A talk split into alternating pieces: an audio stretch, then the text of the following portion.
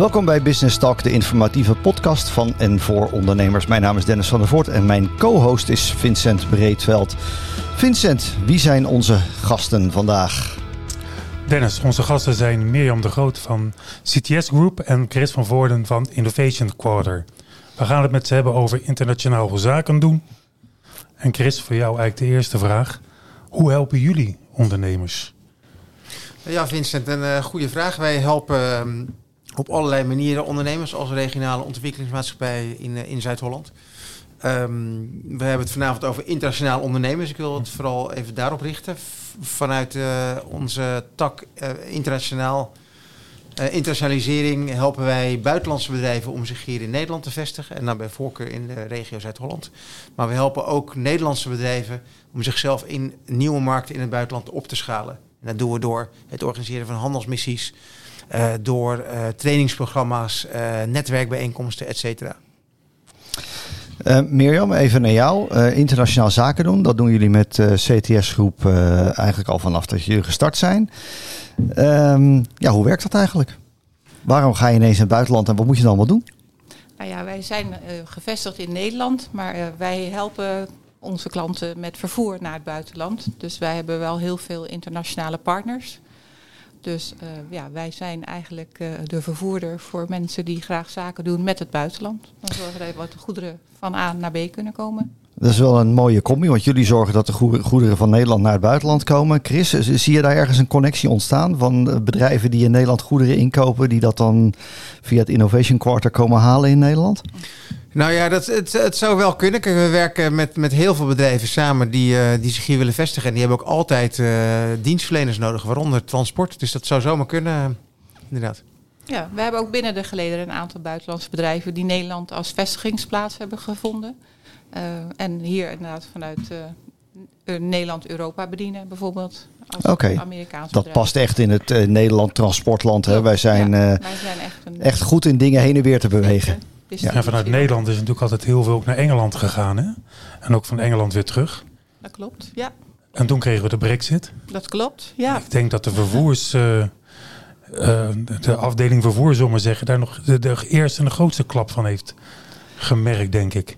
Nou, het was wel een, uh, een hele operatie natuurlijk, omdat het al een aantal jaar in de pen zat. Maar uiteindelijk, uh, nou ja, toen het uur I was, uh, was het eigenlijk pas twee dagen voor deadline bij wijze van spreken. Dat iedereen wist wat er moest gebeuren om goederen nog te blijven vervoeren en welke afspraken er golden. En daarna heeft dat inderdaad heel wat voet in de aarde gehad. Om, tot voor kort zag je nog regelmatig ook het nieuws, die enorme rijen die daar in Engeland stonden. Van die vrachtauto's die dan allemaal naar het vasteland moesten, zomaar zeggen. Ja. Hebben jullie daar ook last van gehad? Of? Daar hebben we ook last van gehad, ja. ja we hebben, maar dat was met name de eerste kwartaal nadat Brexit uh, inderdaad effectief is geweest. Uh, en daarna is iedereen toch wel gaan aanpassen van nou ja, het heeft niet zo heel veel zin om achterin de rij te gaan staan. Dus proberen dat op een andere manier of iets later te gaan versturen. Dus uiteindelijk heeft iedereen toch wel zijn creativiteit aangeroepen om te zorgen dat we niet allemaal nog in die rij gingen staan. Maar het grootste probleem was eigenlijk de voorbereiding. Niet iedereen was voorbereid op wat er allemaal moest gebeuren. En daardoor krijg je natuurlijk opstoppingen.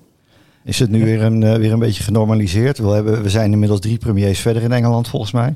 Dat gaat ook en, uh, dat, dat gaat per maand, zo'n beetje. Maar, maar uh, loopt het nu weer gewoon goed door? Nou, je hebt een aantal klanten die zijn gewoon stug vervoer blijven doen en uh, blijven handelen. Er zijn een aantal klanten die hebben bedacht, nou ik wacht even, ik kijk de kat uit de boom. Uh, en er zijn een aantal klanten die inderdaad zeggen, nou ja, het wordt minder. Ik kan mijn goederen ook in andere landen kwijt. Dus waarvoor zou ik per ja. se naar de UK uh, vervoeren? Aan de andere kant zie je wel vanuit het UK naar het vasteland, zoals we dat eigenlijk noemen, uh, een enorme toestroom. Omdat ja, voorheen konden de Engelsen, die gingen rechtstreeks naar Duitsland, rechtstreeks naar Frankrijk, nou ja, waar ze ook heen moesten. Ja, nu was er natuurlijk een douaneformaliteit, dus men besloot om te consolideren. Het wordt lastiger gewoon voor ze. Nou ja, het is gewoon veel meer handelingen natuurlijk om uiteindelijk die goederen in het land van bestemming, omdat er eerst een douanehandeling moet gebeuren. En dan zie je wel dat, me, dat ja, uh, landen geconsolideerd. En daar hebben wij uiteindelijk wel weer een stukje profijt van ja. gehad. Chris, was dat voor jullie een onderwerp waar je, waar je tegenaan gelopen bent? En nou, hoe ben je daar dan mee omgegaan? Uh, uh, zeker, eigenlijk op twee manieren. Ik zei het net al, hè. we werken met twee stromen, inbound, bedrijven deze kant op en, en outbound die kant op. Uh, als je kijkt naar uh, bedrijven die vestigingen in Engeland hadden, in, in de UK hadden. Um, ja, heel veel daarvan gingen toch op zoek naar een nieuwe plek uh, op, het, op het Europese vasteland, laat ik het zo maar noemen. dus wij hebben in de afgelopen jaren best een grote influx gezien van, van niet zozeer Britse bedrijven, maar heel vaak bijvoorbeeld Aziatische bedrijven of Amerikaanse bedrijven die een Europees hoofdkantoor in, um, in de UK hadden die dan toch op zoek gingen naar nieuwe vestiging. en, en heel vaak kwam Nederland daar goed voor uit de bus. Dus we hebben relatief veel bedrijven deze kant op geholpen. En wat is jullie rol daar dan in? Ga je dan een vestigingsplek zoeken of help je ze met formaliteiten? Ja, eigenlijk de hele, de hele dienstverlening van het eerste moment van interesse in, uh, in vestiging in, uh, in Europa en dus in Nederland. Uh, dus het eerste moment van interesse tot het zoeken van echt een locatie, introductie bij het juiste netwerk per sector. Um, we organiseren zogenaamde fact-finding trips, dat ze hier kunnen komen kijken en snuffelen aan aan, aan de economische kanten en aan het vestigingsklimaat. En, en ook echt aan uh, de, de fysieke locatie. Dus de, dat soort dingen organiseren we dan.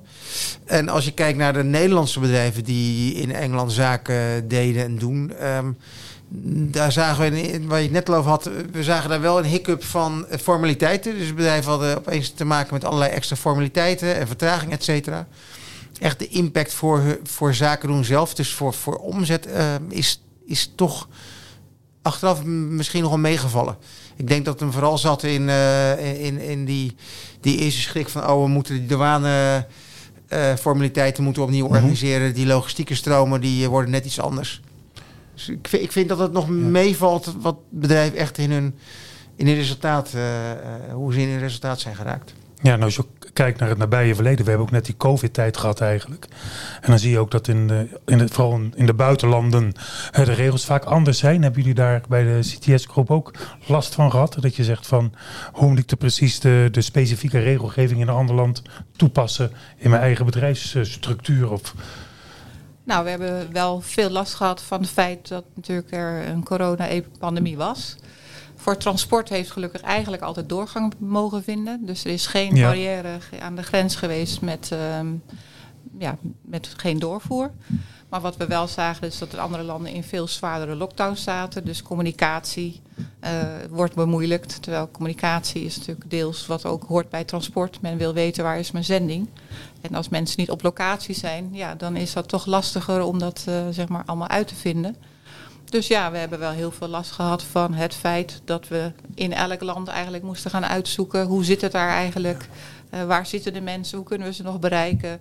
Ja, en dat het dus vertraging in communicatie uh, heeft opgeleverd.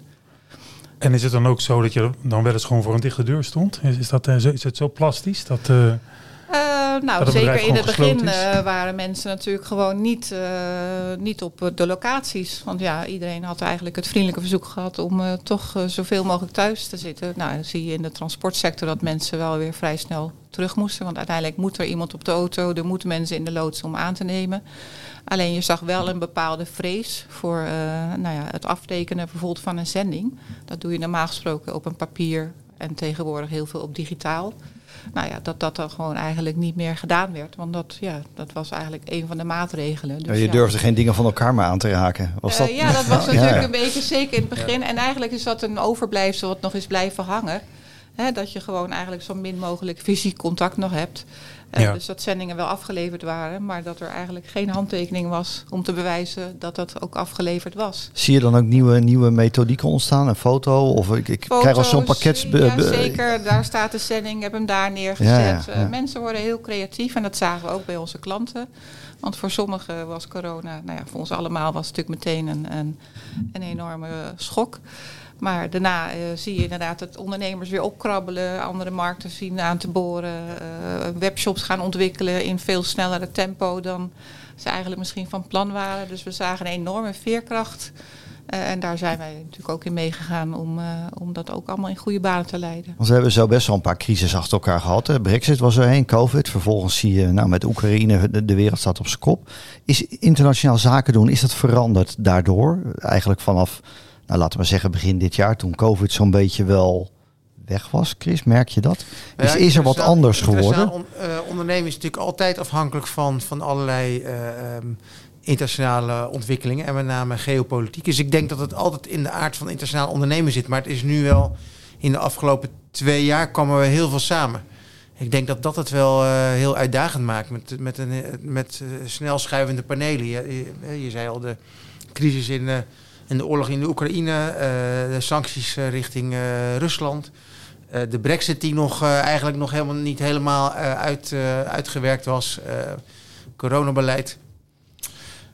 maar ook bijvoorbeeld ontwikkelingen in Azië, bijvoorbeeld China en, en toch ook de de toenemende voorzichtigheid in het zaken doen met China, dat, dat is ook iets wat meespeelt. Dus je ziet dat bedrijven daar wel. Hebben wij daar last van? Ik weet in, in, in de regio Pacific, Zuidoost-Azië, kijkt men echt wel gespannen naar wat China allemaal doet. Het is echt een superpower daar uh, geworden. Is dat iets wat we hier nog een beetje negeren in Nederland? Nou, ik denk dat we de afgelopen paar jaar, eigenlijk sinds 2019, wel wat, wat voorzichtiger zijn geworden. Is ook al uh, nationaal beleid op, uh, opgemaakt. Er is een, is een notitie China-Nederland een nieuwe balans. Waarin toch ook wel is uitgeschreven dat je, dat je ook wat voorzichtig moet zijn in welke sector je uh, zaken doet met China. En, en uh, welke bedrijven je misschien wel of niet hier op de markt moet toelaten. Dus er is al wat meer prudentie. Maar er zijn ook nog steeds gewoon kansen. Hè? Als je kijkt naar de tuinbouwsector. Uh, maar ook de gezondheidszorg, daar zijn ook volop kansen. Dus het, het, is heel afhankelijk van per sector en per technologie. Want je raakt, wel, je raakt wel een heel mooi onderwerp. Recent stond uh, in het FD een heel artikel over de invloed van de Russische geheime dienst in het MKB. Ja. De allerlei uh, bedrijfjes opzet, zelfs in Nederland, om aan technologie of informatie te komen. Ja. Of spullen die ze door boycott niet meer mogen krijgen. Ja. Dit, hoe, hoe moet je daar nou mee omgaan? Want is dat nou echt een groot gevaar? En wat doe je nou als, als nou, laten we zeggen, MKB-ondernemers zoals wij hier allemaal zitten? Er staat ineens een meneer voor je deur die je niet kan kwalificeren als Rus, maar die wil wel met je zaken doen. Ja, dat, dat is heel ingewikkeld. Wij hebben het zelf niet meegemaakt, dus ik kan er niet zo goed over oordelen. Maar ik kan, ik kan me voorstellen dat dat soort dingen wel voorkomen. Ja, dit, ik, ik was echt flabbergasted toen ik het artikel las. Dat kennelijk gebeurt dit. Zitten jullie met, met transport in, uh, in Rusland? Nee, wij zitten nee, niet in Rusland. Nee, nee, dat is ver van je wethouder. Ver van de wet, ja. ja, precies. Misschien uh, nog één ding over, over de brexit. Want je, we hebben het net over al die ontwikkelingen gehad mm -hmm. en, en uitdagingen voor de ondernemers. Ik heb toch ook nog wel goed nieuws. Um, er is op Europees niveau vanuit de Europese Commissie is er uh, best wel een flinke pot met geld beschikbaar gesteld. Dat heet de Brexit Adjustment Reserve. Om uh, ondernemers in Europa te helpen bij uh, de, de, de last, zeg maar, de, de uitdagingen die ze hebben uh, opgelopen door, door de brexit. Nou gaat er vanaf morgen een nieuw loket open. En dat heet de compensatieregeling voor, uh, voor zaken doen met de UK. compensatieregeling wordt door de RVO, Rijksdienst voor Ondernemend Nederland, wordt dat georganiseerd. Dat betekent dat bedrijven um, kosten kunnen, vergoed kunnen krijgen die ze hebben opgelopen door aanpassingen in hun bedrijfsvoering. Niet door uh, omzetdaling of, iets, uh, of iets anders, maar wel als je kosten hebt gemaakt of gaat maken. Omdat je bijvoorbeeld je IT-systeem moet aanpassen. Omdat je je medewerkers moet opleiden om beter of opnieuw met de nieuwe uh, maatregelen om te gaan. Mirjam, ik zie een kans. Ja, ja ik zie het. loket, loket is echt per 1, vanaf 1 november uh, open. En uh, ik zou zeggen, kijk vooral even ook op Is dat een tijdelijk potje of is dat echt wel een serieuze pot dat het niet weer binnen een paar dagen leeg is? Want dat is zie je vaker. Pot, maar het eerst komt het eerst maal. Ja, precies. het, is, het is een flinke pot, maar hij sluit ook wel weer snel. Dus je, okay. moet, je moet ook wel snel... Je moet je snel, snel handelen. Nou, wellicht wat voor, uh, voor de aanpassingen die CTS heeft moeten doen uh, om uh, te blijven rijden op Engeland. Um, ik wil, wil afsluiten bij jou, Mirjam. jullie zijn gestart 27 jaar geleden met, nou ja, met internationaal transport. Wat geef je nou een ondernemer mee die, die denkt van nou, ik, ik heb een mooi bedrijf hier in Nederland en ik wil de grens over. Wat is nou een belangrijke tip die je ze mee zou willen geven? Nou, sowieso verdiep je natuurlijk in hoe uh, het zaken doen met, uh, met het buitenland is. Met name de voorwaarden waarop je verkoopt. Wij als vervoerder maken regelmatig mee dat, uh, dat de condities waaronder verkocht wordt uiteindelijk later tot problemen leiden. Mocht er een keer iets gebeuren met de zending en het komt niet aan. Dat gebeurt natuurlijk af en toe wel eens, niet heel vaak. dus met name de voorwaarden waarop je verkoopt of waarop je zaken doet nou ja, en wat ik wel verder meemaak, wat is er veranderd? Hè? We hebben natuurlijk enorm, mm -hmm. ik vind dat uh, de grenzen zijn enorm uh, ja, dichterbij gekomen als je nu ziet wat digitalisering ons gebracht heeft. En dat vind ik dan een van de mooie dingen van uh, de, de, de pandemie. Daar waar je voorheen vier, vijf keer naar iemand naartoe moest reizen, heb je nu heel snel natuurlijk contact met iemand. Dus het is niet alleen maar negatief. Er komen ook mooie dingen uit. Het is alleen maar negatief. En ik zie ook dat er gewoon in Europa, waar een aantal landen echt achterbleven in digitalisering, ook in, in, in het, uitwisselen van zendinggegevens, uh, enorme stappen hebben gemaakt. Uh, dus ja, eigenlijk vind ik, uh, heeft ons de pandemie ook best wel wat opgeleverd. En natuurlijk is het altijd prettig, want dat wil ik dan ook nog meegeven dat je uiteindelijk die hand schudt en dat je het ook over koetjes en kalfjes hebt met, met een zakenpartner. Want daar gaat het natuurlijk, hè, die chemie die er mhm. moet ontstaan tussen partijen, die is heel erg belangrijk. Uh, maar uiteindelijk, je bent wel heel snel, heb je, heb je contact.